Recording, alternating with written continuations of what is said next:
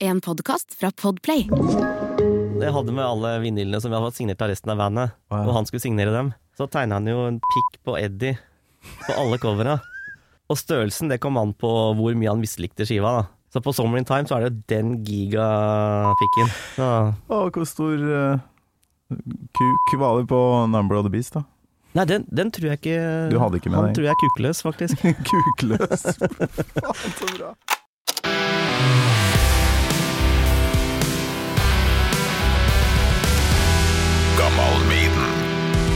Ja, nå har jeg lagt opp uh, over 20 lydklipp her, så vi må egentlig bare komme i gang med, eh, med jubileum. Ja. Du drikker ikke kaffe, eller? Nei, det er ikke det, vet du. Men vi, jeg jeg kan skåle med min kaffekopp og din eh, brusflaske. Skål for The Number of the Beast. yes. 40 år gammel. Ja, Er du klar? jeg er klar, ja. Å, det bruker jo å bli så varmt inni her, så jeg måtte ha opp døra bitte litt. Ja, ja. Og nå blir det enda varmere. Ja, Skal vi ned i helvete her? yes.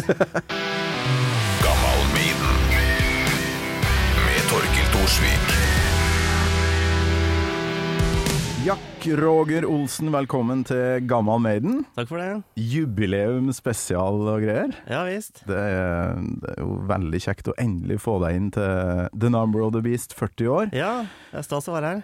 Jeg har hørt mye snakk om det. Mm. Eh, folk vet at eh, det fins en ihuga Maiden-fan som heter Jack Roger. Mm. Følg deg litt på Facebook og har sett bilde.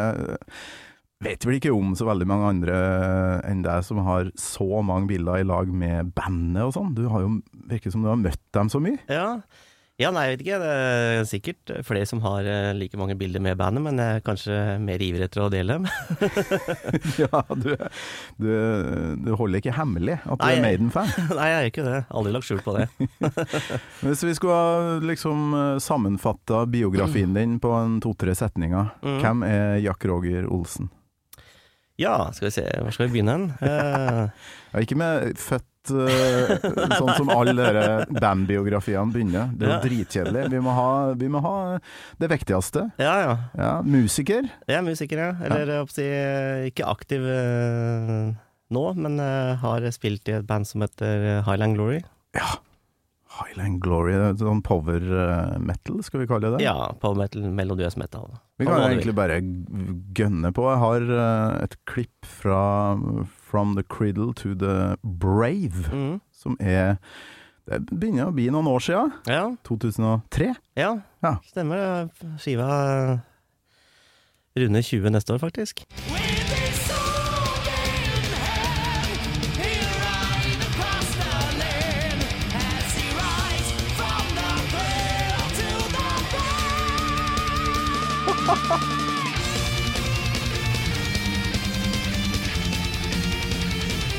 Så jeg har kløpt litt. Det kommer eh, litt fra favorittpartiet mitt her. Hør på her.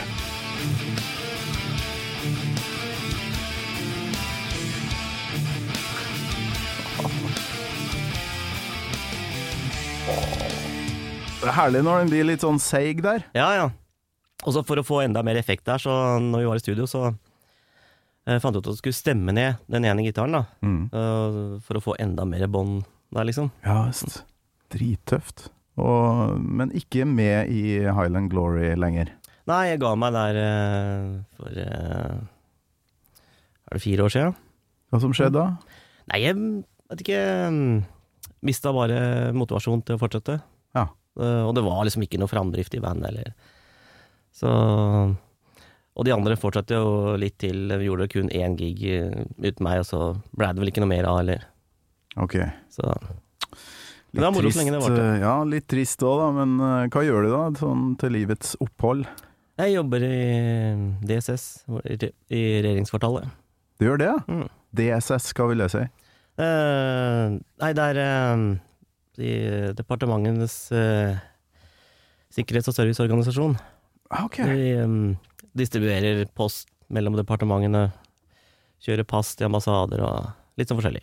Hvor kommer du fra? Må vi få med det òg? Ja, mm, jeg er opprinnelig fra Strømmen, men jeg bor på Løvenstad. Ja visst. Ja, men da er jeg up to date på kanskje det viktigste. Ja. Musikk, jobb, eh, Ja. fødested. og nå eh, Vi kan faktisk ikke bruke veldig mye mer tid på snikksnakk, for Mm. det er et 40-årsjubileum vi skal innom her. Men eh, du, slipper ikke unna det faste spørsmålet mitt, Jack Roger. Mhm. Husker du første gangen du hørte Iron Maiden? Ja, det gjør jeg faktisk. For eh, jeg var tolv år gammel, og så eh, skulle jeg ut med faren min og kjøpe stereoanlegg. Ja. Eh, og så fikk jeg med en CD på kjøpet. Når var det, da? CD og greier? Ja, dette var eh, Jeg husker datoen nå, for jeg hadde kvitteringa i mange år, så det- 5. mars i 1986. Oi, CD-spiller i 86! Ja, Var dere uh, Richie Rich? eller? Nei, vi var vel ikke akkurat det, men uh, Fikk seg Bang, Bang Olufsen-anlegg? ja, det var et Fischer-rack. Ok. Så Nei, altså var det jo liksom noe med Jeg hadde jo sett uh, Maiden-plakater på rommet til storebroren til en jeg gikk i klasse med, da. Mm. Og var liksom fascinert av det. Men på den tida så hørte jeg kun på Twisted Sister og Motley Crue, ikke sant. Ok, Så- det var det som var starten, litt mer glam og Ja, det var starten. Uh, innen metal, i hvert fall. Mm. Eh, nei, så var det jo noe med coveret på Live After Death som fanga oppmerksomheten min og nysgjerrigheten. da. Live Så after death. satte de på den i butikken, og så Det var fortsatt ikke Robbins, men faren min sa bare Ja, Maiden er bra, ta med den, sa han. Å ja, for han har hørt det før, eller? Ja da, så han, så han oppmuntra meg til å ta med den, da. Ja. Så det var starten.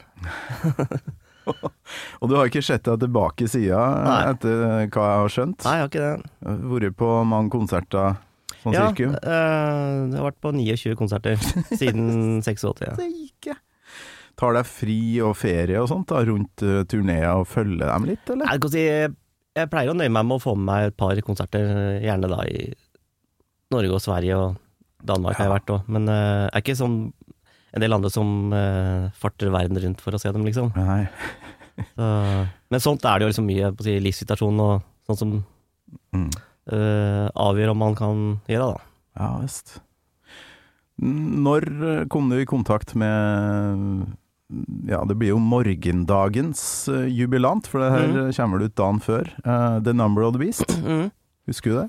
Ja, for da, etter at jeg oppdaga det med Love to Death, så da kjøpte jeg opp eh, alle skivene. Så ja, i løpet av noen måneder da, så kjøpte jeg opp skivene. Og jeg tror jeg var Powersley jeg fikk eh, først på kassett da, den sommeren. Ja. Og så kjøpte jeg vel eh, Peace of Mind og Number of, the, Number of the Beast etterpå. Ja, ok. Så um, på LP. Og så på den tida, sant, da visste jeg ikke så mye om bandet da. Så, så fikk jeg etter hvert da um, Iron Maiden og Killers på LP. Ja, ok. Um, da, da, jeg visste jo ikke at det var en annen vokalist på skivene, så jeg ble jo umiddelbart litt skuffa med en gang. Ja, det, det Jeg tror det er mange som hadde en reaksjon der. ja, men det er klart, jeg digga jo skivene når jeg kom over den uh, umiddelbare skuffelsen der, da. Ja. At det ikke var han som sang på de skivene òg. Men hva var det du liksom kicka på fra starten av? Var det det visuelle da med Live After Death? Det Ja. coveret der er jo helt episk. Ja. Likhet med Number of the Beast, da. mhm. Var, det, var det viktig for deg, eller? Ja, så det var jo coveret som kan du si gjorde at jeg helt tatt sjekka det ut, liksom. Ja. Men øh, Men når jeg først liksom hadde si, fått skiva, da, da var det jo liksom sjøl musikken som traff meg, da. Mm. Og jo mer jeg hørte på det, jo, jo, jo mer likte jeg det, liksom. Og det er gjerne det som du kanskje må høre litt på, som, som følger med deg. Ja. Jeg vet jo at du er For du driver og deler litt hva du hører på på Spotify og sånt, så Mm. og følger med litt på Mm. Facebook. Det, er, Ja. det er Summer in Time som er albumet du hører mest på. Ja, det er det som uh, er favorittskiva, ja. Det er det, ja. Mm. Du bare hører, hører på hele tida, eller? Nei, du kan det, man har jo perioder, ikke sant. Ja. Så, så Men akkurat nå har jeg hatt en sånn periode hvor det har gått mye i den skiva igjen. da. Ja Så, visst. Number of the Beast, var det da kassett du fikk det? nei, den fikk jeg på LP først. Å ja. Så, Så det var med vinylspiller på, på den her racken. ja da, det var det. Det, det som var, når jeg fikk eh, Live det, Death, så Da var vel ikke de andre skivene ute på CD-en da. Nei. Derfor kjøpte jeg den på Jeg var på kassett og LP og sånt nå, så det var vel først da ja, Summer Time var jo første skiva jeg venta på Mm. som fan òg, så klart det, så spiller det sikkert litt inn, men det var i hvert fall etter da at liksom de gamle skivene blei reutgitt på CD, husker jeg. Så da kjøpte jeg den selvfølgelig opp på CD òg. Ja, ja. Du har jo på deg T-skjorta her. Ja visst. The, the Number of the Beast. Ja, måtte jo pynte meg. Ja, han måtte jo pynte deg for anledninga. Ja, ja. Jubileum. Ja. Og da lurer jeg på, når du da hadde handla det her, eller fått det, eller hva mm. som skjedde og du setter deg ned med coveret først. Mm. Det kan vi jo snakke om litt først her nå. Eh, Episk cover. Hva, husker du hvordan du reagerte på det? Nei, ikke annet enn at det gjorde jo veldig inntrykk, liksom. Ja. Eh, Det visuelle og liksom alle detaljene og Mm. Ja. Det er jo noe med Eddie som eh, er større enn Satan sjøl, og, mm. og liksom har han i marionettetrådene der. Ja visst, det er jo den ultimate maskotten Ja. noensinne, Og liksom. så begynte du sikkert å Hadde du forstått at du skal lete etter det her Derek Riggs-merket og de tinga der? Ja, ja, man dreiv vel og liksom så etter eh, Når man ble obs på det, da. Ja. Hvor det var på de forskjellige covera. ja, ja, ja. På The Number of the Beast, hvor er tegnet hen? Du har den jo Vises det på T-skjorta di der? Jeg syns å huske at det er nedi Ja, det pleier jo å være nede et eller annet sted. Ja, nedi flammene der. For det er jo masse Nei, du kan faktisk ikke tapp, se fortapte det. sjeler nedi her. Nei, jeg kan ikke se det på T-skjorta. Det kan være at det er fada ut eh, der hvor det er, da. kløpt bort uh, nederste bildekant, ja. Jeg tror Ja. det er i nærheten av foten til Satan her, nemlig. Ja. Dere satt vi og nerda på. Ja. Har, har du funnet det på Live After Death, da? Den, den var vanskelig, husker jeg, for det Mhm. var vel på baksida, eller noe? ja. Jo, jeg lurer på det. Ja. Mm. Og så setter du da la vinylen på spilleren, mm. og da må vi bare kjøre på, altså, for vi har så mye lyd vi skal høre på her. Ja. Um, og jeg husker jo sjøl, det var første kassetten jeg brukte penger på sjøl. Had, mm. Hadde jo kassetter som jeg hadde arva eller fått, men uh, det her var liksom min kassett som jeg Mhm. hadde valgt sjøl. Ja, og putta den inn i spilleren, og så kommer det her, da.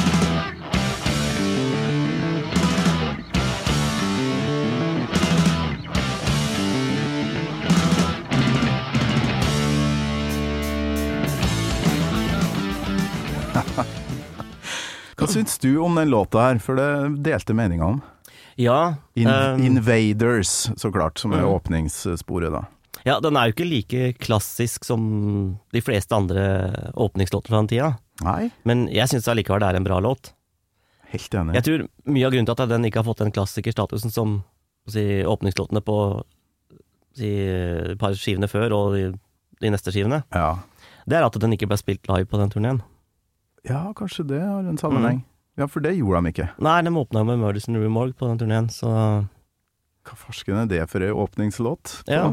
Nei, men det, det funka jo bra, det òg. Men de har jo, ellers har de jo alltid liksom åpna med en, stort sett åpningslåta fra skiva. Ja, Eller i hvert fall en låt fra den aktuelle skiva, da. kanskje var litt sånn at nå har vi en ny vokalist, men vi skal vise at vi fremdeles er uh, det Maiden som fansen har blitt kjent med fra før. Mm. Og tok ei gammel øh, låt fra Killers, da. Ja, og så Nå tipper jeg bare, men jeg regner med at det kanskje kan ha noe med at um, de starta turneen før skiva var ute. Ah. Kanskje derfor var det naturlig å åpne med en låt fra forrige skive, da. Ja, for å åpne en konsert med ei splitter ny låt som ingen har hørt, det Mm. er litt drappen. Ja, med en ny vokalist. Det har vel du òg opplevd med band, at uh, Ja. uh, stemninga ja, detter jo ganske mye når Mm. man kjører på noe helt nytt. Sånn, Ja. sånn er det jo bare. Ja. Så ja, jeg forstår det jo, men uh, Og så kommer denne bridgen og etter hvert refrenget her, som òg Det er mye delte meninger om. Mm They're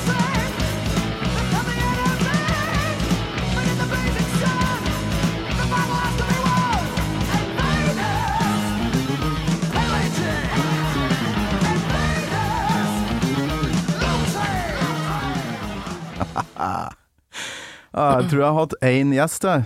Bjørnar Kristiansen fra Dval, tror jeg det var, som, ver som valgte seg den låta her. Mm. Eh, ikke så mange andre. Det er mange som sier at de liksom syns det er sånn barnslig eh, refreng, at det er liksom litt, sånn, Mm. litt for lett, den derre Ja. ba, ba, da, ba, Mm. Men vet du hva? Tolv år gamle Torkil Mm. ga jo faen i det. Ja, ikke sant? Det er mulig jeg er litt farga av det også. Ja. ja, for du var òg sånn rundt tolv år. Ja, jeg var jo tolv år, ja, når jeg ble frelst, så det Altså, tror jeg også det Det går litt også på at um, Steve Harris har jo alltid snakka ned den og Gangland litt. Ja. At han på å si eh, var de to låtene han ikke var helt fornøyd med, at gjerne skulle ha bytta ut. da Mm. Og da tror jeg fansen kan lett la seg påvirke av de meningene. ja, for det lå ei låt eh, som kom som eh, B-side etter hvert, en uh, Total Ja, det var jo, saken var jo at de har jo i ettertid uttalt at de angrer på at de tok med Gangland ja. skiva og Total Eclipse som B-side. At de gjerne skulle ha bytta an. da Ja.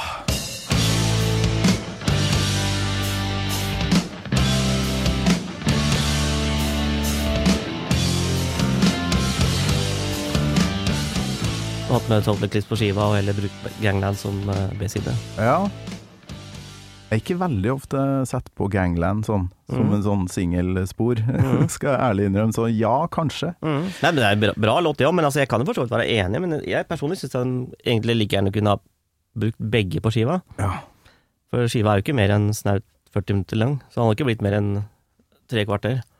Så, men på den tida så De har jo alltid hatt eksklusive B-sider, så de ville vel ha én låt som en eksklusiv B-sidelåt òg, da. Mm.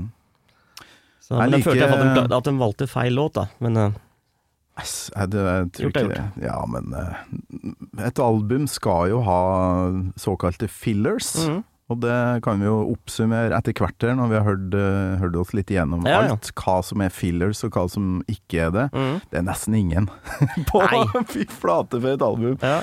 Og ja, åpne med Invaders, Steve Harris' låt. Det er Mhm. vel han som har skrevet hele røkla.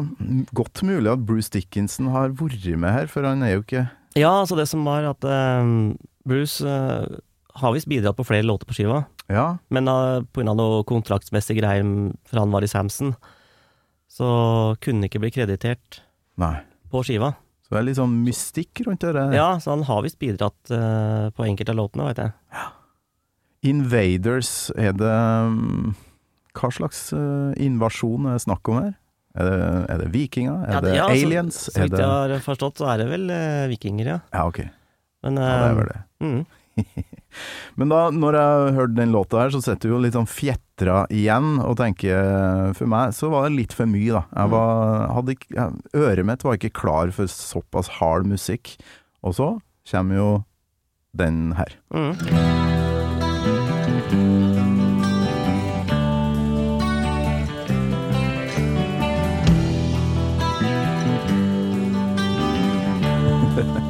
Det er så genialt å legge den låta som nummer to, syns jeg. Ja, da ja. For det, det funka på meg. Det er Mm, godt mulig at jeg ikke har fått den derre Å, det bandet her mm, skal jeg faen meg digge.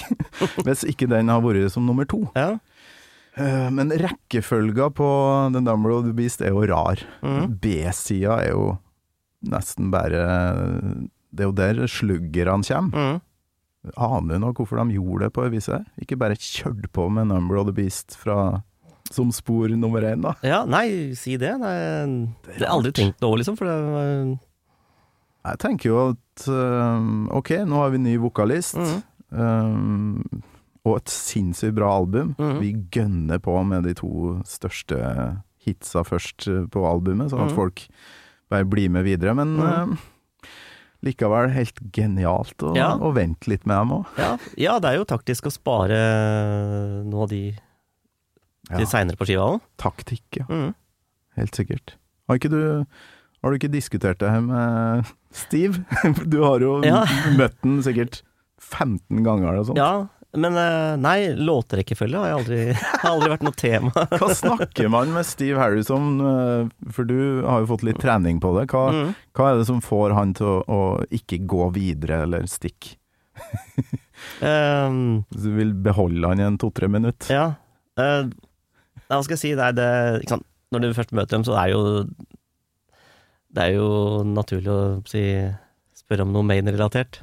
Ja. Men jeg uh, Har du kjørt på med noe sånn Westham, eh, altså fotballting, bare for å bryte Ja. isen, for eksempel? Det som er at eh, som regel så er det jo ikke lange tida du har når du møter dem. Nei. Men det var en gang som jeg Var det i 2010? Så var han jo nede i ved Sarpsborg Mm. og så på sønnen spille fotball der. Og det fikk jeg snusen i, så da var jo der også Det var jo ikke mer enn et tjuetalls folk der. Um, men da, under første omgang av kampen der, så, så sto vi også bare og så på, liksom. I pausen så gikk vi bort og hilste på, da, prata litt og fikk signert og tatt bilder og greier. Mm. Og jeg blei jo da stående og prate med en, eller småprate litt gjennom andre omgang, da. Ja. Og da liksom eh, Fotball er jo en lidenskap for han, ikke sant, men eh, dessverre er ikke jeg fotballinteressert. Men eh, der og da så var det jo naturlig Jeg hadde jo aldri giddet å fake av fotballinteresse, men der og da så var det naturlig liksom å I og med at han var der i, den, i det ærendet han var, da, ja.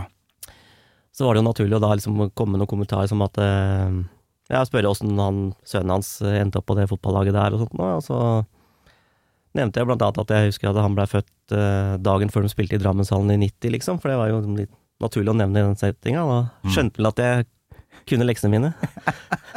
og så, nei, så fortalte jeg at vi spilte support for dattera hans på John D her året før, da. ja. Og sånne ting. liksom, Da trakk inn litt gjort, om familiegreier og sånn. Ja. Dattera som spiller i ja, det er solobandet hans. Hennes. hennes ja. ja, eh, for hun um, Hva eh, heter hun? Lauren Harris. Lauren, ja. Ja, hun var jo support eh, for Maiden, uh, spilte her eh, på den turneen i 2008, 'Summer Back in Time'. Ah, okay. Så, så kom vi og gjorde en egen gig på John D år- eh, året etter, Mm. og da fikk vi være med som support, da. Ah, Så, så, så sånne ting var jo naturlig å nevne da, liksom. Ja, ja, ja. Ja, ja. sånn som ikke bare liksom sto der og masa om Maiden, liksom. Så, og det som var ålreit når jeg traff henne, og, og sto sammen da under fotballkampen Jeg ville jo ikke stå for, si, forstyrre under hele kampen, men det var greit, for da, da hadde du tid til å stå og tenke litt igjennom liksom, mens du sto der og så på hva du skulle si eller spørre om og sånne ting, ikke sant. Vanligvis så har man jo tusen ting du kunne tenke deg å spørre dem om, ja. men når du først møter dem, så husker du ingenting. Så bare, blir det bare det som detter ut av deg, ikke sant.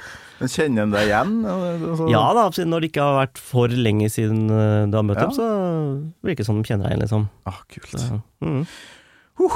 Vet du hva, det begynner å bli så varmt her. Er det, er det skjærsilden? Er det helvete? Ja, kanskje det er det. Ja, jeg må åpne den døra ut her. Ja. Sånn, for det Nå tror jeg The Number of the Beast prøver å ja. Sette sitt preg på det her intervjuet, for Ja, jeg begynner å bli svett allerede. Men uh, vi må høre refrenget på denne fantastiske låta, en av mine favoritter. Topp Mm. ti, altså. 'Children of the Damned'.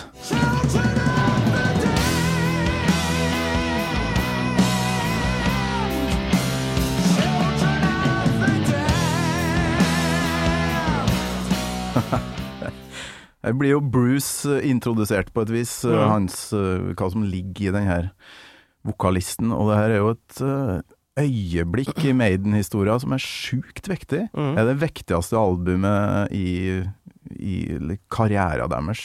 Kan vi slå fast det allerede nå? ja, det er jo det, for si, uavhengig av personlig favoritt og sånn, og så er det jo det som var gjennombruddsplata. Ja. Så det er jo dermed den viktigste plata deres. Mm. Utrolig bra, syns jeg, de to første. Men eh, faktum er jo at det ble ganske større arena de spilte på etter uh, at Bruce kom inn. Mm. Det er ikke noe tvil om det. Mm. Og det, det var jo viktig med Brave New World òg, Ja. men, men det her var liksom kickstarten på det episke, store Maiden. da. ja, ikke sant. Og så kommer eh, Peace of Mind, og så Power Slave. Det er Mm. Med den scenen der, det er kanskje liksom toppen? Ja. Sånn på, i størrelsesorden, muligens. Bortsett fra det vi opplever nå, egentlig. Mm. De scenene om eh, Legacy of the Beast Mm. er jo ganske Det er svært noe òg. Ja visst. Ja, det er jo et av de kuleste showene de har hatt, Ja, egentlig. helt vilt. Men det er liksom noe sånn som uh, World Slaver Tour, det er liksom noe spesielt med det, liksom. Mm. I og med at det var liksom den si, perioden jeg oppdaga dem med, da. Ja. Så er liksom, og i med at jeg ikke så dem før naturligvis turneen etter, på Summer in Time, så er det liksom noe litt sånn derre mytisk og sagnomsust med det derre Ja, så klart. World Slavery Tour, liksom når du ser på Love to Death-videoen og som Å, tenk å ha vært der. Og. Ja, Selv om altså, jeg må si at jeg er jo glad jeg fikk sett dem allerede i 86, da. Det skal sies. Det gjorde du, ja. Din heldiggris. Ja. Men scenene i dag tror jeg er stør, men, eh, men det ser bare så bra ut på Live After Death-videoen. Um, Ja. Og det ser utrolig stort ut Mm. der. Nei, videre. Vi, vi, det kommer til å bli langt der eh, hvis vi fortsetter sånn. Um, det kommer jo da det, Her introduseres for meg da den derre mystikken og, og all informasjon man må hente inn eh, etter å ha blitt Maiden-fan, Mm. nemlig introen til The Prisoner. We want information. Information. Information. Who are you? The new number two. Who is number one? You are number six. Det er så ekkel stemning. I her. am not a number. I am a free man.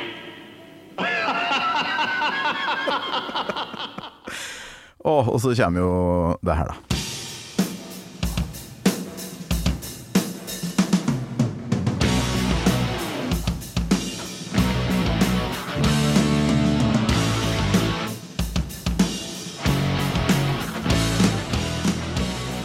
Og da er det jo ikke noe tvil lenger, Nei. når man får det her. For det er trøkket på de rette knappene, altså. Ja, ja. Fy flate. Clive Burr. Nylig skulle han ha blitt 65 år. Mm. Ja. Eh, For en trommis. Mm. Men husker du reaksjonen din da du hørte den herre I am not a number! Og den greia der? Alltid noe spesielt med de der eh, De der eh, introene der hvor du har den stemmen, liksom. Enten du snakker om The Prisoner eller Number of the Beast og sånne ting, liksom. Så det gjorde inntrykk, det med liksom, ja, den introen der, så eventuelt den trommene som kommer inn. Og, eh, og apropos når vi snakka om eh, Bruce sine bidrag, så veit jeg at eh, jeg leste et eller annet sted at han faktisk kom opp med den der eh, trommeintroen der. Nei, ser du det? Ja, ja. På en eller annen øving som han satt og spilte trommer, så var det faktisk han som kom opp med det, den biten der. da. Det er ikke hver dag at vokalisten eh, sørger for uh, trommeintro, liksom. Nei, ikke sant? Men han satt bare og leika seg Ja. med noen stikker og Mm. Så det er i er hvert fall et av tingene han kom opp med. der. Ja, da har vi fått hull på litt av uh, det mystiske rundt det her. Mm. Og det, den låta her er jo en sånn ja, umiddelbar uh, Hva var han kalt det? Han, Pete Evil, Peter Mm. Vegem, eh, var innom og, og valgte seg The Prisoner, og han uh, snakka om det herre rockesjokket som man får av og til, der du bare Du klarer ikke å sitte i ro, du må bare opp, spille luftgitar, spille Mm. lufttrommer, og det her er ei sånn låt. Ja. Får du sånn av og til? ja da, gjør det. Stort sett med 'Summer in Time', eller? er Nei, altså herregud, det kan være hva som helst. Så, Ja, det er så bra. Men du, er du en sånn samler òg? Må du ha masse stæsj? ja, dessverre. Ja, Hva er det Er det sånn skikkelig sjeldne ting, eller er det mer sånn si- skal bare ha alt? Jeg er opptatt av å liksom, samle på alle, alle utgavene av liksom, de de, europeiske versjonene. Mm. Men jeg har heldigvis aldri blitt bitt av den basillen at jeg må ha liksom alle mulige pressinger. Mm. For det holder jaggu med det du sier, de forskjellige utgavene av de vanlige europeiske formata. Mm. Så jeg nøyer meg med det, da, heldigvis. Ja visst. Huh. Nei, jeg er altfor nysgjerrig, vi må komme oss videre. Men Ja, ja. 'Prisoner' er eh, jo da den herre TV-serien. Mm. Har du liksom den? Må du samle på sånt? Liksom, Nei, der er jeg ikke. Så, For den sjekka jeg ut på YouTube og, Ja. og, og fant liksom akkurat den passasjen, og, Mm. og ja, da var jeg fornøyd med meg sjøl. Ja, ja. Yes, yes, den er lagt ut, Så det, det er altså en uh, britisk TV-serie. Litt sånn veldig ekkel. Mm. Sånn storebror ser deg, Big Brother-aktig ekkel greie. Har du sett den? nei, jeg har ikke sett den, faktisk. Så jeg har bare Ikke? sett noen klipp fra den. Ja. Så nei, jeg veit jo at det måtte ha tillatelse fra han skuespilleren ja. For å bruke den uh, introen. Husker ikke jeg navnet på han.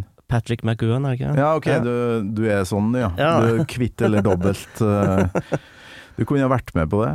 Uh, sånn, er du med på mye sånne ting? Co Ja, ja, Quizer og sånn? Jeg har vært med på flere sånne quizer og sånt nå, og Ja. har jo faktisk uh, vunnet de fleste jeg har vært med på. Ja. Så det er vanskelig å Men da lurer jeg på en ting. Du som er Summer in Time-nerd. Mm.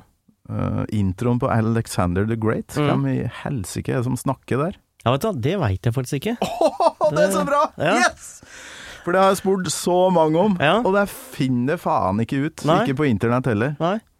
Det det, er det siste Maiden-mysteriet. Mm.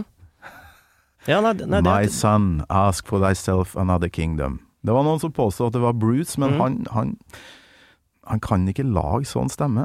Nei, selv om de hadde si, pitcha stemme eller noe, så det høres ikke ut som han, altså. My son, ask for thyself another kingdom, for that which I leave is too small for thee. Det høres jo ut som uh, en annen, jeg holdt på å si. The Last Maiden for det- Mystery. For du hører hvis de har, hvis de har pitcha stemmen også.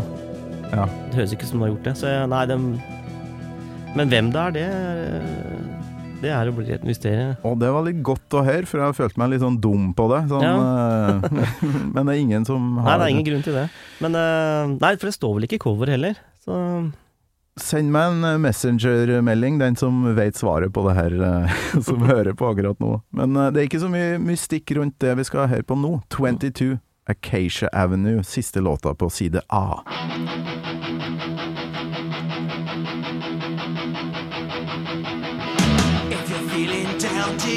depressed, and lonely, I know a place where we can go. Go, go. 22 Acacia Avenue. Hva syns du om denne låta, da? Sånn, jeg syns den er veldig bra, jeg. ja? Ja. Vet du hva den handler om og sånn? ja, jeg veit jo det, at det er eh, oppfølgeren til Charlotte og Harlot. Ja, Så, det er en sånn trilogi, eller kanskje kommet enda flere, som ja, så det er jo noen som eh, mener at det, From Here to Eternity er eh, si, siste del i trilogien, men det er jo bare for at eh, The Beast and Charlotte blir nevnt i teksten. Ja, Det er jo ikke noe del av den trilogien. Det er jo egentlig bare de to låtene som eh, har noen sammenheng. ja ok. Charlotte og Harlot og Så 22 ikke-. På etter 2000 er det ikke laga noen låter med det, den tematikken? Nei, ikke etter den der, faktisk. 22 Acacia Avenue, det står jo på Summer in Time-coveret. Det Mm. står, det er en sånn mystisk greie, men det er altså et bordell eller noe sånt, eller? Eh, eller er det en altså, kjæreste, eller hva? En Ja, det- prostituert? De har ikke sagt så mye om det. Jeg vet, Steve ble spurt i et intervju en gang om, eh, om det var basert på uh, Is there real Charlotte, liksom? Ja. Eh, well, sort of, sa han bare, liksom. Og så ja, ikke noe særlig mer om det. så Nei, vi må høre uh, refrenget. 22 Acacia Avenue. Meet a lady that I know. So if you're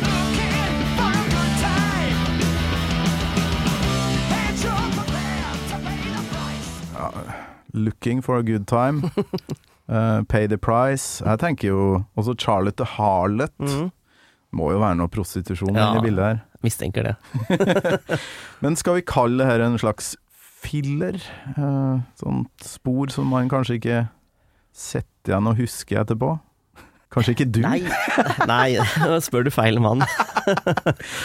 For um... Nei, jeg vil ikke kalle det det, altså, men det, den er ikke blant de absolutte høydepunktene på skiva heller, Nei. vel. Men, eh, Nei, jeg tror uh, men det er liksom en, den låten jeg, jeg liker den vel bedre nå enn jeg gjorde før, kanskje. Sjekka jo Spotify for moro skyld. Mm. Hva er det som er streama mest der? Og det er jo bare sånne ville tall på den låta vi kommer til nå. Mm. Tittelsporet og Run to the Hills, så klart. Og så er det jo det, Jeg tror den uh, 22 Acacia Avenue er den som har nest uh, minst, da. Mm. eh, Avlyttinga på Spotify. Hvis vi skal bruke det som noe kilde. Ja. Men nå eh, kommer vi jo til kjernen her. Eh, vi har i 40-årsjubileet kommet til et jækla vektig øyeblikk i, i min Maiden-historie, og, og resten av verden sin, tror jeg, når vi hører den her stemmen. Woe to you, O earth and sea, for the devil sends the beast with wrath, because he knows the time is short. Let him who hath understanding reckon the number of the beast, for it is a human number. Its number is 666. det er nesten litt jævlig å ikke gå videre, vet du. Men det skal vi ikke. For jeg lurer på, du hadde jo vinylspiller. Mm. Du fikk jo kremlyd på det her, du. Mm. Headset og greier òg, eller? Ja, ja. Husker du hvordan det opplevdes da du liksom fikk den her? Ja, nei, det var stort, det. Som du hørte den introen der, og ja.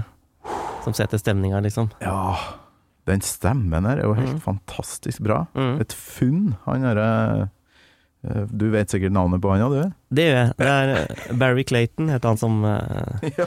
Han som har den introen. ja. Det, det hører jo med til historien at det, var jo egentlig Vincent Price de ville ha til å, Ja, til å si den introen, men uh, han skulle ha litt for mye, så da ja han uh, var ikke billig. Nei, men uh, det høres jo nesten ut som en, da. Så Veldig likt. mm. Jeg trodde vel egentlig før at det var han. Så Ja, du gjorde det, ja. mm. Akkurat hvem det var, tror jeg ga blaffen i til jeg var en sånn 30-40 år. Ja, ja. Ja, da, Men eh, for det først nå jeg har begynt å forske på det. Men, eh, ja, for den gang så tenkte jeg liksom ikke så mye over det, men det er også først i seinere år jeg- jeg begynte å Ja. Når var det sånt, ja. Michael Jackson fikk huka inn eh, Vincent Price? For han er vel med på thriller? Ja, stemmer det. Uh... Det er jo magisk, det òg. ja. Den latteren hans er jo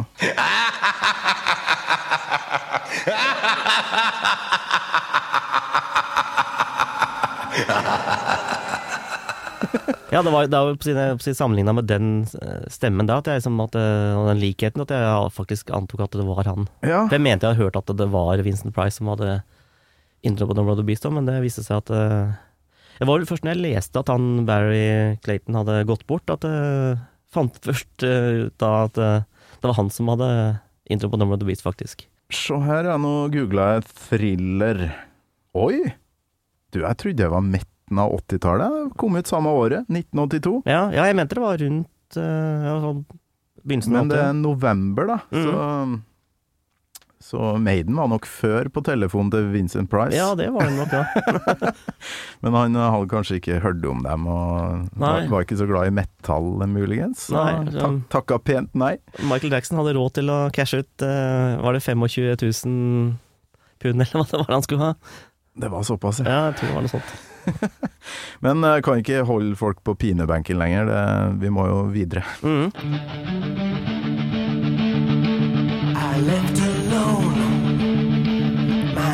Was blank.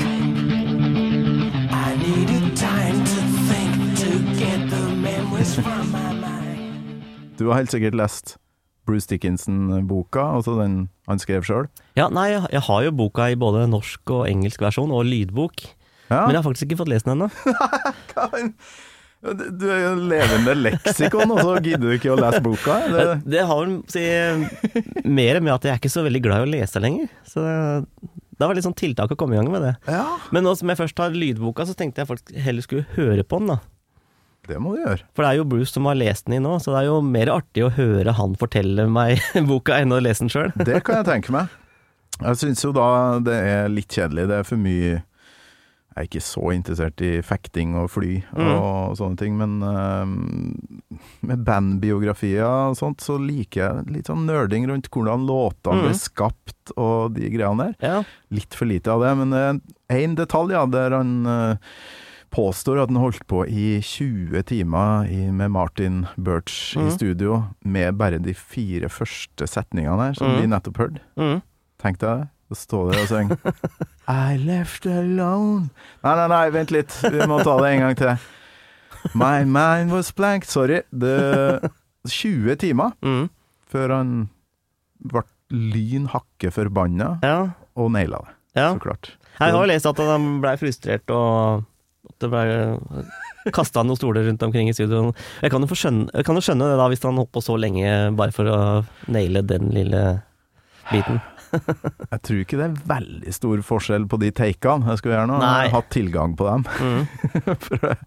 Men uh, det er godt mulig at eh, Martin Birch, altså, han er såpass genial at han venta på det siste Ja. lille sånn Nå er han desperat her. Mm. Jeg tror sannsynligvis det- første take hadde fått passere i dag, for å si det sånn.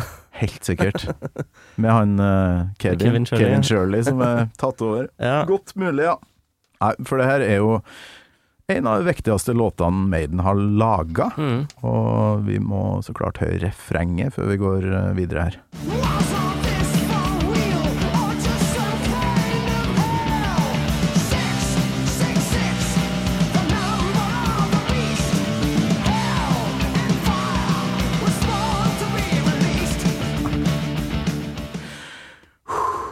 Hva hadde du tenkt hvis du hadde stått i studio og hørt på deg sjøl? det her har vi nettopp spilt inn. Mm. Altså, de må jo ha skjønt at nå kommer det til å eksplodere. Mm. Tror du ikke det? Har det altså- stått noe om det? Altså hvordan uh, feeling de hadde i studio mens de holdt på med det? Ja, nei, jeg veit Steve Harris har sagt at uh, man tenker jo ikke sånn at ja, vi har nettopp uh, lagd en klassisk skive, liksom. Du tenker jo ikke sånn, men de, de hadde jo trua på skiva. De syntes jo det var Litt trua. de, De syntes jo låtene var veldig bra og sånn, men eh, de så vel kanskje ikke for seg si, hvor godt det skulle slå an. Nei. Sjøl om jeg tror Steve hadde en, hadde en målsetting om hvor de skulle hen. mm. Å bli såpass giga. Ja. Hadde nok sett på noen eh, andre band som hadde noen store sceneproduksjoner, Kiss for eksempel, ja. og tenkte at sånn, dit skal vi. Mm. Så tror jeg, ja, Ja, klart, I begynnelsen så, så de vel ikke for seg noe annet enn å liksom, spille rundt i England og få mm. platekontrakt og sånt noe, men eh, jeg vil jo tro at de, etter hvert som de som fikk eh, tak i Road Smallwood og mm, heva ambisjonene litt, ja. sikta litt høyere. Og så eh, Det er godt mulig at det skriket her som jeg har fått tak i, er liksom etter at Martin Birch har kjørt Bruce Dickinson til vanvidd her. mm. Men, eh, men det må vel òg ha vært en sånn uh, aha-opplevelse for resten av bandet, når de ser den nye vokalisten sin mm. stå i studio og levere det skriket her.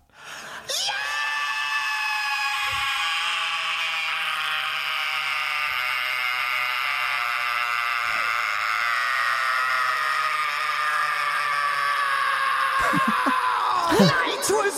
no use holding back, cause I just had to see what someone watching. Dere har jo, eller hadde da, i Highland Glory en Ja. rå vokalist som Ja, kommer sjukt høyt. Mm. Tror du han hadde naila det her? det, Kanskje. det er noe med de skrikene der. Ja. Jeg har aldri hørt det isolert før, men uh, Så det var interessant. Men uh, da, nå veit vi åssen uh, Åssen å få utløp for 20 timers frustrasjon høres ut. ja! Kanskje Kevin Shirley skal, skal begynne å kjøre Ja, bru, bruseren litt hardere Ja, framover. han må nok begynne å pushe den litt mer. Det er jo helt vanvittig, her. Mm. Og så Han gjorde jo noe lignende live, da, eh, når de spiller denne låta. Det er, jo, mm. det er jo kule skrik, men akkurat det som kom på tape her, mm. det er jo hinsides. Mm.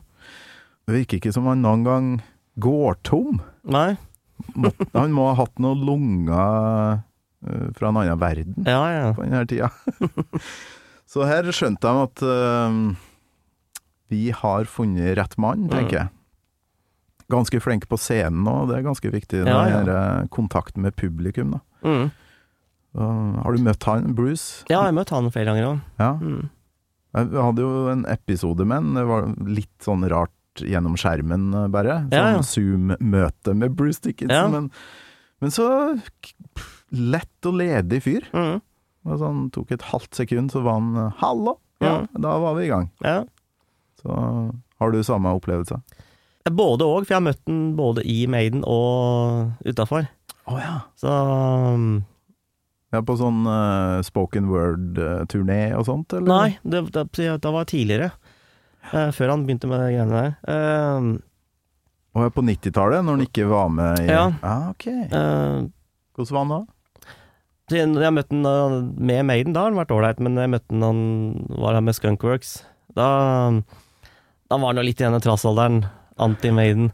Så liksom, jeg hadde med alle vinylene som vi hadde fått signert av resten av bandet, ja. og han skulle signere dem. Så tegna han jo en pikk på Eddie på alle covera. Og størrelsen, det kom an på hvor mye han mislikte skiva, da. Så på Summer in Time så er det jo den gigapikken. ja. Og hvor stor eh, kuk var det på Number of the Beast, da? Nei, den, den tror jeg ikke Du hadde ikke Han den? tror jeg er kukløs, faktisk. Kukløs. Faen, så bra. Og så husker jeg det var en fan som kom der, vet du, det var en signering på Sound of Noise. Så han hadde på seg Denne fan hadde på seg X-Factor-trøye. da. Spurte han Bruce om han kunne få backstage-pass. Ja. Yeah, if you take off that fucking shirt. Var svaret.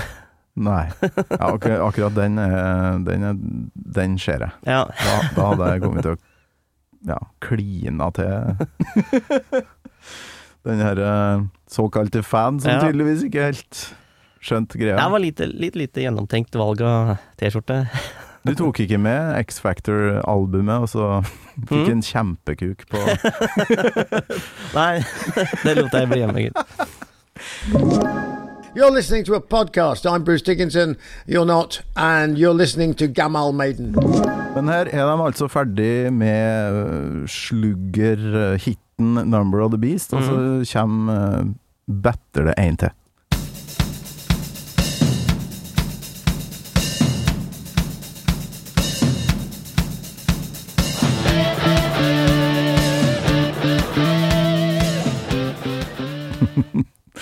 Hvordan føles for du når du hører introen her?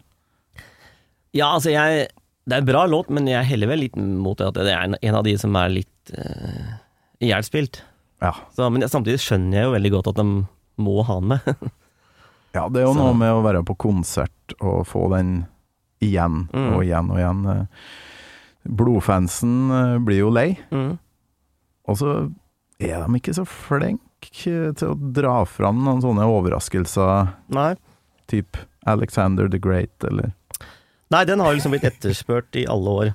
Invaders, Mm. sånn åpne Number of the Beast. Hvorfor ikke bare Faen heller, Steve, skal vi ta den? Mm. Det er rart. Ja. ja. Det virker som liksom låter som eh, ikke ble spilt på den aktuelle turneen. De de det har aldri skjedd at de har plukka fram noen av dem seinere heller. Det er et mønster der, ja. Mm. Ja, jeg har vært med i band i mange år sjøl. Mm. Jeg vet jo at det er veldig lett å så Ja, den funka live. Eh, Åh, den skapte kjempestemning sist, så Mm. den, uh, den spiller vi igjen. Mm. Veldig lett Ja. å gjøre det sånn. Men likevel, da. Mm. Kommentarfeltene er jo full av uh, sutrefans som vil ha overraskelser, og da syns Ja. jeg de kan komme med det av og til, altså. Ja, i hvert fall når det gjelder liksom låter som har blitt så etterspurt, sånn som Alexander the Great, da. Mm. Uh, først og fremst, som liksom fansen har liksom etterlyst i alle år. Ja. Hvorfor kan de ikke bare gi etter for det og, og ta den med, da? Nei, det er mye teorier der. Mm. Har vel hatt uh, var Torgrim Øyrem, mon tro, som valgte seg den låta. Det er Mm. flere som har gjort det i Gammal Maiden, og mm, vi diskuterte vel kanskje at vokalen er jækla tung der, da. Det er mye tekst, og Ja. en uh, litt sliten uh, Bruce, uh, godt ute i settet, eh, skal levere det der. Mm. Det kan hende at det er en faktor. ja, men jeg tror det først og fremst går på at den, den gidder vel bare ikke å øve inn låter de aldri har spilt før, da. Av en eller annen grunn. Ah, tenk deg den allsangen! Ja, ja. Alexander the Great. Folk hadde jo gått bananas på den. Mm. Ja, sånn type Blood Brothers-style, altså. Ja, Fear of the Dark-style. Mm. Bare faktisk enda mer, ja. tror jeg. Så der, eh, der har de gått glipp av noe. Ja, ja jeg syns det. Nei, Derfor den ikke ble spilt på Summer in Time-turneen. Jeg tror jeg har fått det. de, de dro jo med seg Rhyme the Ancient Mariner videre. Mm. Og da på den tida så var det vel sikkert ikke plass til to lange episke låter i settet, så da ble den liksom bare Ble ikke den øvd inn til den turneen, og da ble den bare glemt, liksom. Mm. Ja.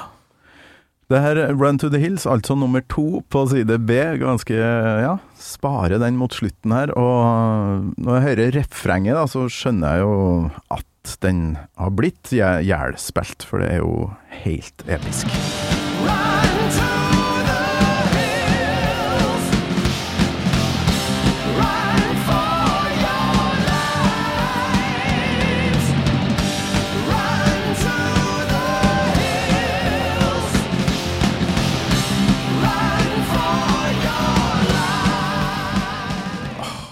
Vet du hvem som korer her? Er det bare Bruce, eller?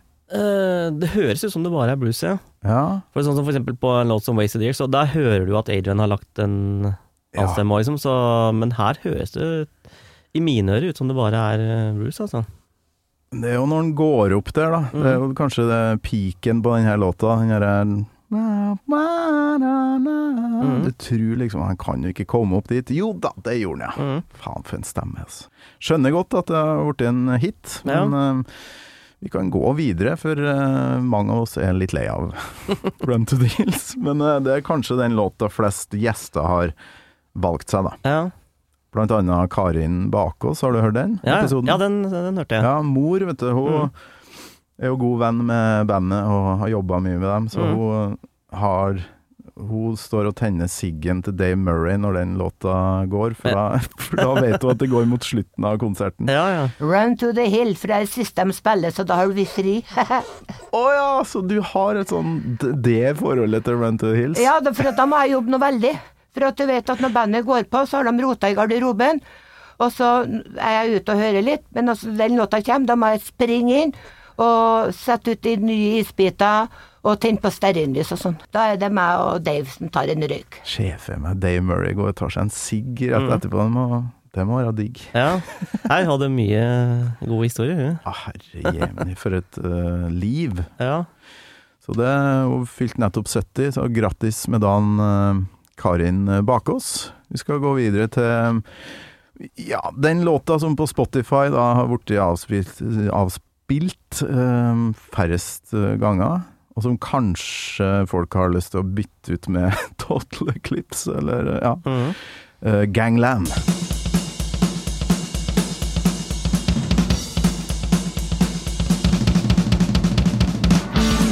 Ja,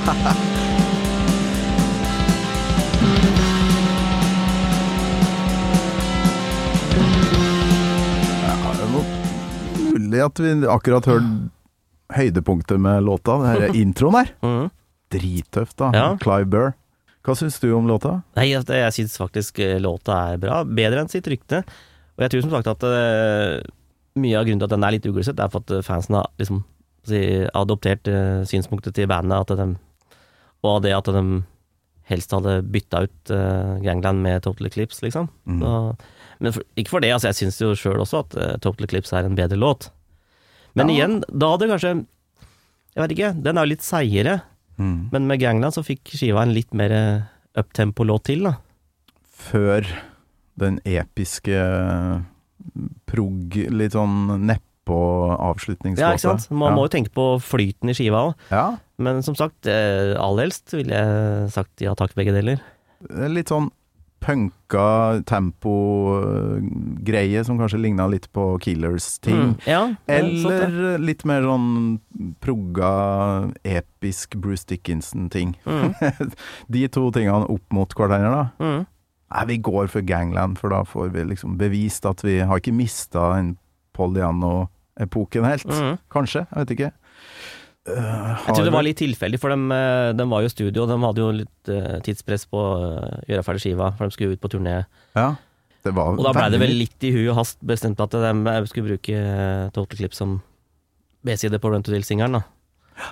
Så, men de, noe de har angra på ettertid, at de ikke putta på Gangland som B-side isteden. Men Rart at det skal være så travelt med ting. ja, Eh, samme med coveret. Derrick Riggs eh, er jo litt sånn snurt for at han fikk eh, torsdag til mandag, tror jeg det var. Fire-fem dager på, på å bli ferdig, og så bare lag det sinnssyke coveret. mm. Og som jeg ser på T-skjorta di, over eh, jævelen der, Satan, så er det jo noe lyn som jeg ikke har lagt merke til før i voksen alder, mm. som danner sånne drageaktige vinger. Ja, Det er sånn eh, flaggermus.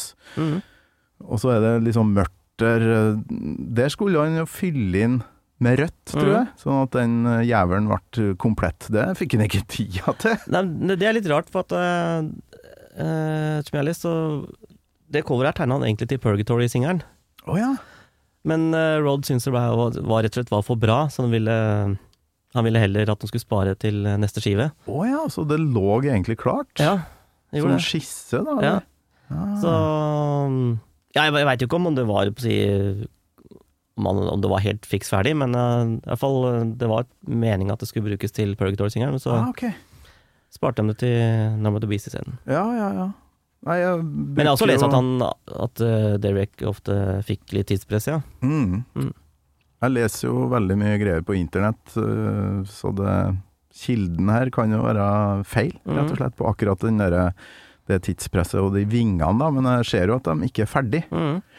Uh, men kanskje er det bedre sånn som det ble.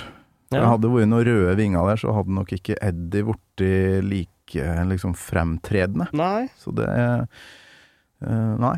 De som har coveret framfor seg, kan gjøre opp sin egen, Ja. mening, men det er jo helt rått, det coveret der. Med de eh, viktigste er jo de detaljene nederst, med alle de Ja, ja. fortapte sjelene der. Ja, visst.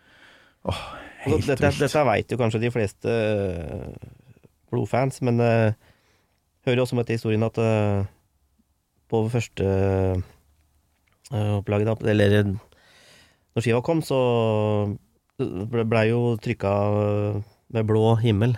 Det skulle jo være svart, sånn som man var på Hva er det? Finne, Så det finnes masse Nei, altså, den, den var jo opprinnelig med det blå coveret, ah, men eh, sånn som du ser her, men eh, Men de korrigerte vel det på den remasterserien som kom i 98. Okay. Da fikk du jo den der gråaktige himmelen bak i scenen. Ah. Som det egentlig var meninga skulle være. Men altså, jeg er så vant til den, så liksom, jeg har aldri tenkt noe over det. ja, det er ikonisk, altså. Mm. Det er vel det coveret jeg har tegna mest sjøl. Mm. Sånn uh, etterligna Derek Riggs, og bare sittet og tegna det. Ja, ja. Drev du òg med det, eller? Ja, jeg skulle, når vi gikk på barneskolen, så Dette må jo ha vært i sjette klasse. Så skulle vi tegne sånn der Sånn svær Sånn svær konvoluttlignende greie som vi skulle putte tegninger vi lagde på skolen oppi, da. Ja, ok. Jeg brukte jo en evighet på å tegne hele Live After Death-coveret i den her størrelsen, liksom. Og så Med, Med blyant, eller? Ja, med blyant, ja.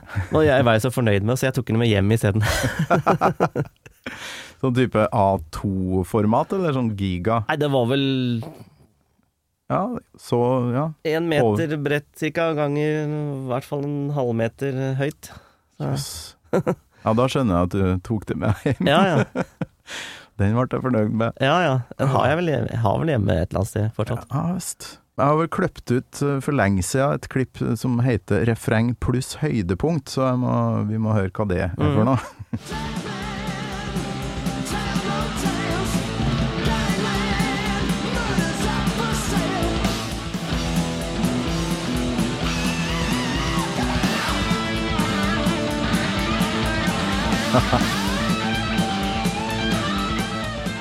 Ja, ja, ja. Det var høydepunktet. Inn i soloen der. Lille skriket og bassen til Steve Harris. Mhm. var det liksom det som grabba tak i meg først, Mhm. med Maiden, tror jeg. I tillegg til Bruce, da, men uh, dum, du, du, du, du, du. Og så en legg på de her deilige Ja, ja. sine. Du ble gitarist etter hvert, så du hørte kanskje litt mer på Dave og Ja, men jeg husker når jeg først fikk lyst til å spille, så var det faktisk eh, bass jeg hadde lyst til å spille. Oh, ja! Så, sannsynligvis pga. Steve Harris, men eh, Du er første menneske jeg har møtt som egentlig hadde lyst til å spille bass, Ja. og ble gitarist. ja, det er vel gjerne heller motsatt. At, Ja. eh, jeg har lyst til å spille gitar, men uh, blei bassist fordi det var det som mangla, liksom. Mm. Men nei da, men jeg hadde egentlig lyst til å eh, bli bassist, men så, så blei det gitar allikevel. Så ja. Og da satt du og plukka soloer og sånt, eller? Ja, jeg lærte meg å spille gitar mye etter å sitte og lære meg låtene etter After Death, da. Ja. For det ser eh, Du legger jo ut litt sånn eh, Det her har jeg hørt på i det siste, eller her er mine favoritter fra det året. Eh, Du er veldig flink til å legge ut lister. Det Ja, er jo deilig nerdestoff for oss ja. som eh, følger deg på Facebook. Og du Hvilket annet band er du Du er litt sånn Rush-fan òg? Ja, altså, det er jo Maiden, Marillion og Rush som er favorittbanda. Det er de tre, ja. Mm. Marillion, ja. Mm. De coverne deres òg, vet du. Ja, ja. Det, er- det, det er vel òg en sånn litt krysning med Maiden, for eh, Eller? Jo, han, ja. han som har laga Marillion-coverne på 80-tallet, Ja. har han laga noe Maiden? ja, Mark Wilkinson. Det er Wilkinson, ja. Mm. Ja, men da er den jo Ja. Han laga masse, da. ja, han uh, tegna jo alle tre covera våre òg. Altså Highland Glory? Ja. Stemmer det! Jeg så jo det coveret på Spotify når jeg skulle lage, lage det klippet ja, da- når du ser det igjen, så vil jeg tro at du gjenkjenner litt den stilen hans. Ja, absolutt. Hvordan kom dere i kontakt med han? Nei, det var når vi skulle ha coveret til første skiva, så um, kontakta jeg først Derek Riggs, da. Men han skulle ha var det 35 000 for jobben, da. Ja. Og det, det var litt stivt. Fy faen. Tenk deg å ha Derek Riggs-cover, da! Ja, Ah. men igjen så er, er ikke det greiene jeg har sett at han har gjort i seinere tid, like kult, altså. Nei! Så, men da var jo som, eh, i og med at jeg har eh, sterkt forhold til uh, Marilyn nå, så, og de gamle coverne han har tegna for dem, så Mm. var jo naturlig å ta kontakt med han og høre. Da. Og han skulle bare ha 10 000, og det var overkommelig. Ja. Derfor ble det at han har gjort alle tre covera for oss. da. Men er det bare Så- å sende dem en e-post, eller hvordan? Ja, sendte Ja. bare en eh, e-post, ja, så hørte jeg. Så, ja. Hva slags cover er det Wilkinson har laga for Maiden? eh, det begynte vel med at han tegna det derre Ja, nå ble Live at Donington, den fra 92. Ja. Den blei først gitt ut bare med sånt eh, simpelt cover med en svart logo på hvit bakgrunn, men når de ga ut den på nytt i 98, i den remasterserien, så brukte de jo det der turnémotivet fra Fair Dark-turneen med den der flyvende Eddien. ja. Og den er det han som har tegna.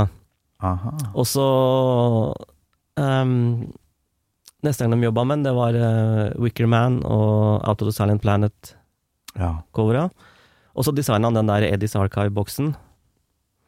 ja, for han har en sånn litt gammeldags, uh, herlig stil. Ja, ikke sant? Og så har de gjort de to siste, Det er fysisk. både Book of Souls og Senjutsu. Så. Senjutsu òg, ja. Mm. Stemmer det. Tror du han har gått over til digitalt? Uh, Det at han er jobber ikke, digitalt, eller? Ja, jeg er ikke helt sikker på hvordan han gjør det, faktisk. Det er noe ekstra med de her fysiske tegningene, altså, Mm. som eh, for eksempel Number of the Beast. da. Ja, Det, det blir noe mer sånn ah, tegneserieaktig, noe sånn ekte ved det. altså jeg syns jo de to siste covera er jo de beste de har på mange år. Ja. Og jeg syns Edin er kulere enn enn på lenge, men eh, det savner jo litt detaljer, da, som du er vant med fra det her, for eksempel, og de gamle covera, liksom. ja, akkurat det. Jeg skjønner ikke hvorfor de skulle ha det som helt plain svart bak Eddie, liksom. Ja. hvorfor skulle de ikke ha noen detaljer der, liksom? Hva skjedde med bakgrunnen? Mhm. Men uh, det er mye cover vi kunne ha diskutert, Ja, ja, ja. særlig fra sent 90-tall. Mm. Uh, Angel and the Gambler, og ikke minst Dance of Death og da, sånn i senere tid. Men uh, det har vi ikke tida til. Vi Nei. skal avslutte 40-årsjubileet Det får bli en annen episode. ja, med ei fantastisk låt som har blitt en sånn staple-låt gjennom Maiden-historia.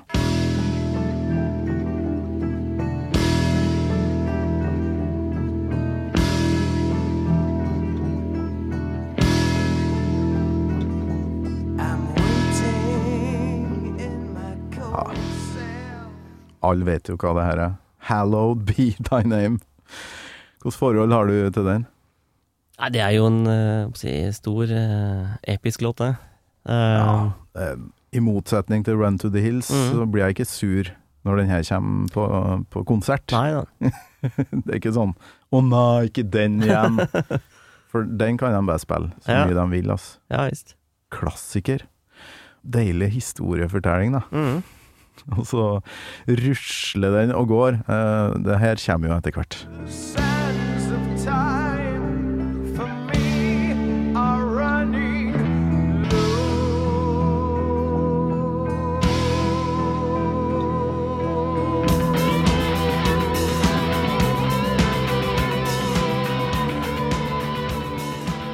Nok en gang lunga lunger fra helvete, altså. Ja, ja. Hold tonene, ja. ja. Men der, eh, jeg har vel hatt et par gjester som har valgt seg den, blant annet, blant annet Bo, Bo André fra podkasten Langkjøring, som mm. trekker fram den her som en sånn kjørelåt. Okay, ja. Sånn deilig å ha på anlegget når du skal på en litt sånn tankefull langkjøringstur, da. ja, ja. Så, Jeg pleier å kalle Summer in Time for sånn kjøreskive. sånn- Kjøreskive. Men uh, den funker jo til alt, altså. Men den her er jo um, Altså, når fikk du tak i Live After Death, da? For der er det jo et øyeblikk um, på VHS-en som Mhm. jeg fikk tak i. Jeg hadde aldri albumet av en eller annen merkelig grunn. Mm. Hadde bare VHS-en. Der de går opp på hver sin side, Dave Murray og Adrian Smith, og står Mhm. og spiller riffet. Ja, det er jo ja den frysninger. den Sjølve den, eh, den live-videoen fikk jeg vel til jul året etter da, husker jeg. Så den Ja. blei jo spilt flittig, den òg. Ja, jeg skyndte meg hjem fra skolen hver dag for å mm. komme først til VHS-spilleren, før brutter'n eh, fikk klinka inn noen Guns N' Roses. Så jeg bare Jeg tror det var nesten daglig, altså. Mm. Så eh, Live After Death. Ja, liksom, Én ting var jo stort nok å, som å høre på skia, men liksom, å se det sceneshowet og det i tillegg, det Og den lysriggen som driver og går litt sånn opp og ned, og den er mm. helt nedpå på Rhyme of the Ancient Mariner-partiet mm. der, og så opp igjen. Det er jo helt genialt. Ja, ja. For en uh, sceneproduksjon. ja. Lurer på eh, mellomspillet, muligens, det her, som, uh, som er da det Når de s- sprenger opp uh, Dave Murray i kjent stil, når han tripper opp i trikoten der mm. på, opp på søyla og spiller.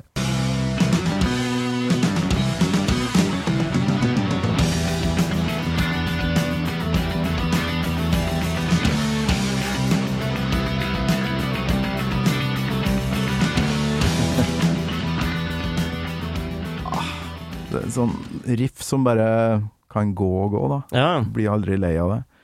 Ble litt usikker nå. Godt mulig de står samla frampå scenen akkurat her. Mm. Uh, litt for lenge siden jeg så Live After Ja. Death. Men uh, Og ei utrolig viktig låt, mm. som uh, Jeg aner ikke hvor stor den var sånn radiomessig eller hitmessig på den tida. Nei, det, det var den vel ikke, men eh, i og med at den var ikke noe singel eller noe sånt, men eh, Nei. det har jo blitt en av de virkelig store klassikere av det òg. Mm. Det er jo, si, når liksom noen nevner favorittlåter av Maiden, så den er, den er ikke helt på topp hos meg, men eh, den er jo liksom stort sett eh, blant de som alltid nevnes, da. Som de største låtene deres. Og den er jo litt over sju minutter lang. Mm. Så her starter vel tradisjonen med å spare den lange episke til slutten. Ja, det var liksom første skiva de gjorde det på, som vedvarte til- ja, til med Summer in Time. Da. Ja.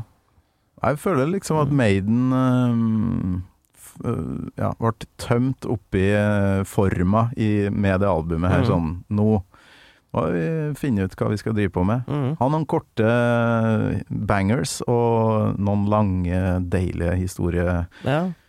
Litt sånn episke. nå er det jo mer motsatt. Ja. ikke så mange korte lenger, nei. Nei, da er det kanskje et par kort, og resten bare lange låter. Men uh, det skal sies, at jeg syns jo det er ofte er de, som de lange låtene som er blant de beste. Mm. Så ja. Jeg syns de fortsatt leverer veldig bra skiver. Min eneste innvending er kanskje at de uh, at det savner liksom den studioperfeksjonen til Martin Birch. Ja. At de er kanskje litt for opptatt av at det skal være så spontant og organisk, liksom. Ja, det er en øh, greie. Mm. Nå skal det jo handle om øh, 40-årsjubileum her, så vi, vi har holdt på en stund, altså. Ja. Har du noe brus igjen å skåle med, eller? ja da, jeg har det, vet du. Du har det? Har en liten skvett igjen. Kaffen min Skål! Ja, Kaffen min er iskald, men uh, vi avslutter 40-årsjubileet med um, kanskje den beste uh, låtavslutninga Maiden noen gang har laga, spør du meg. Mhm. –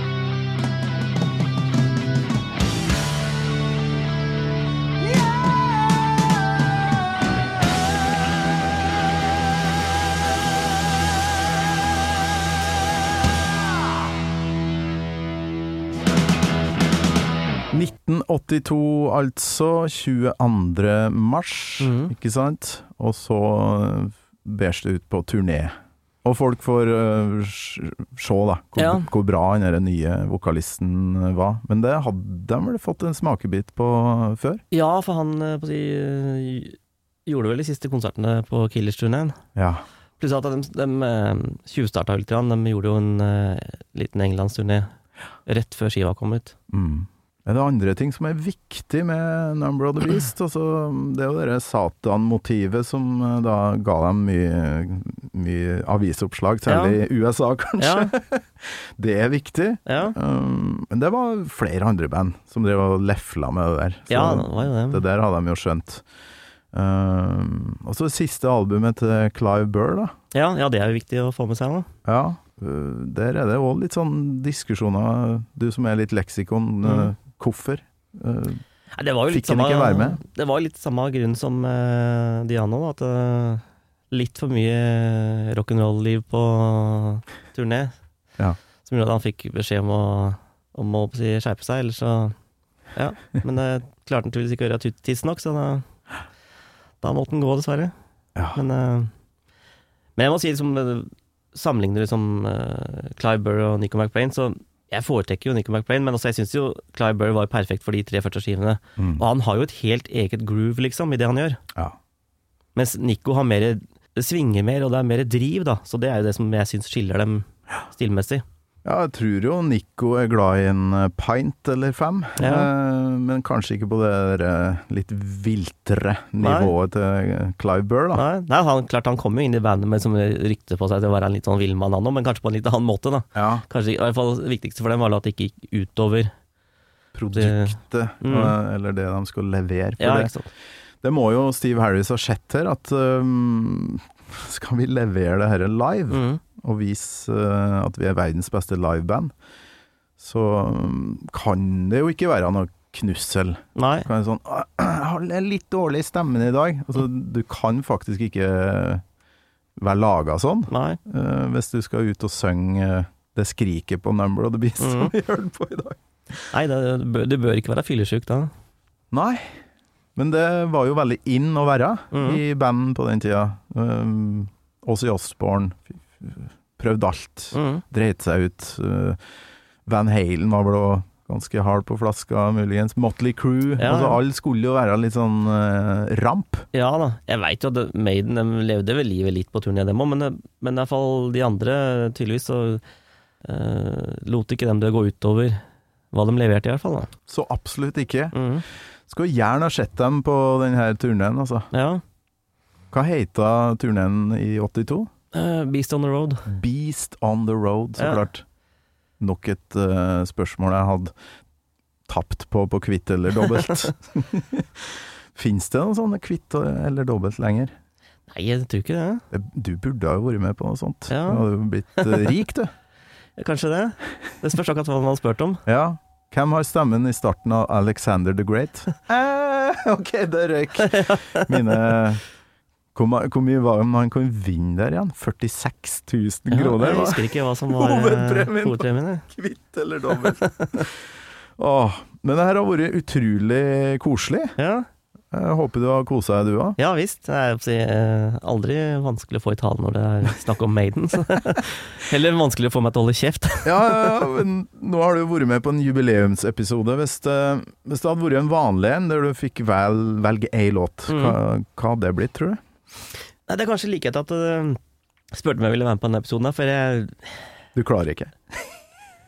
Nei, jeg, uh, jeg syns det er helt umulig å velge én låt. I hvert fall hvis jeg snakker om favorittlåt, da. Mm. Men klart, skal du velge bare for å snakke om en låt, eller ta utgangspunkt i det, så det hadde vært én ting, men å velge en sånn favorittlåt, det klarer jeg ikke. Nei. Så Men det må jo være ei låt som du har et sånn spesielt forhold til? Ja, sånt, det- sånn ja, hvis jeg skulle valgt uh, en låt, så hadde det vel vært naturlig å kanskje plukka den låta som gjorde mest inntrykk når jeg oppdaga bandet. Mm. Så, og når jeg hadde hørt litt på Love Death, så var det liksom Powerslave. Med den skumle introen og det, hele stemninga i den låta. da.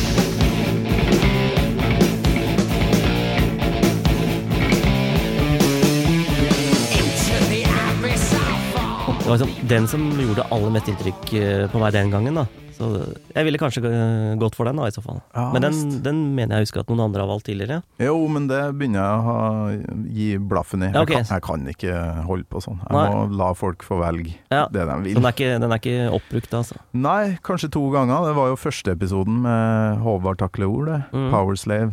Og da tenkte jeg det her kommer til å bli så bra, det. Mm. For han gigafan. Har jo vært en lang reise som bare fortsetter og fortsetter, så Mm. det blir eh, konge. Tar deg gjerne inn som gjest på en um, Powerslave-episode, jeg. Ja, ja. Så håper det skjer. ja. Men fram til det, hjertelig takk for at du ble med på jubileet. Jo, takk sjøl. Gammal Maiden med Torkel Thorsvik. En podkast fra Radio Rock. Og skål igjen. Og ja, lykke til med gitarspillinga. Jeg håper det blir band igjen, da. For det er jo et savn, det, ikke det? Ja, Ikke- altså jeg, var jo med i et uh, Maiden-tributeband tidligere. Ah, ja. Og så ble jeg spurt om å her i fjor om å bli med i et annet Maiden-tributeband. Mm. Og vi skulle egentlig spilt i Var det i oktober? Så blei det selvfølgelig flytta til januar. Så det blei dessverre bare avlyst, så vi får se hva som skjer etter hvert, om det blir noe av det hele tatt. Hva heter bandet? Uh, Ruskin Arms heter det. Ah. Uh, det er gutta fra uh, Som var backingbandet til Diano Blaze her for noen år siden. Det var det, ja. Så de har fått Hvem med seg hvem er du, da, i lineupen? Er du Adrian eller Dave? Der skal jeg være Adrian, men i det forrige Maiden Tribute-bandet jeg var med i, som het Moonchild, eller bytta til Iron Maidem akkurat rett i det momentet som jeg slutta. da. Dem har jeg hørt om. da. Ja, Ja. eh, jeg var med der fra 2005 til 2008. Ja. Eh, Der var jeg Dave, da. Skål igjen. Jo. Grattis med 40 år, eh, Iron Maiden, The Number of the Beast, og Jack Roger, Adrian Dave Olsen. Takk for besøket. Takk sjøl. Du har hørt en podkast fra Podplay. En enklere måte å høre podkast på. Last ned appen Podplay, eller se podplay.no.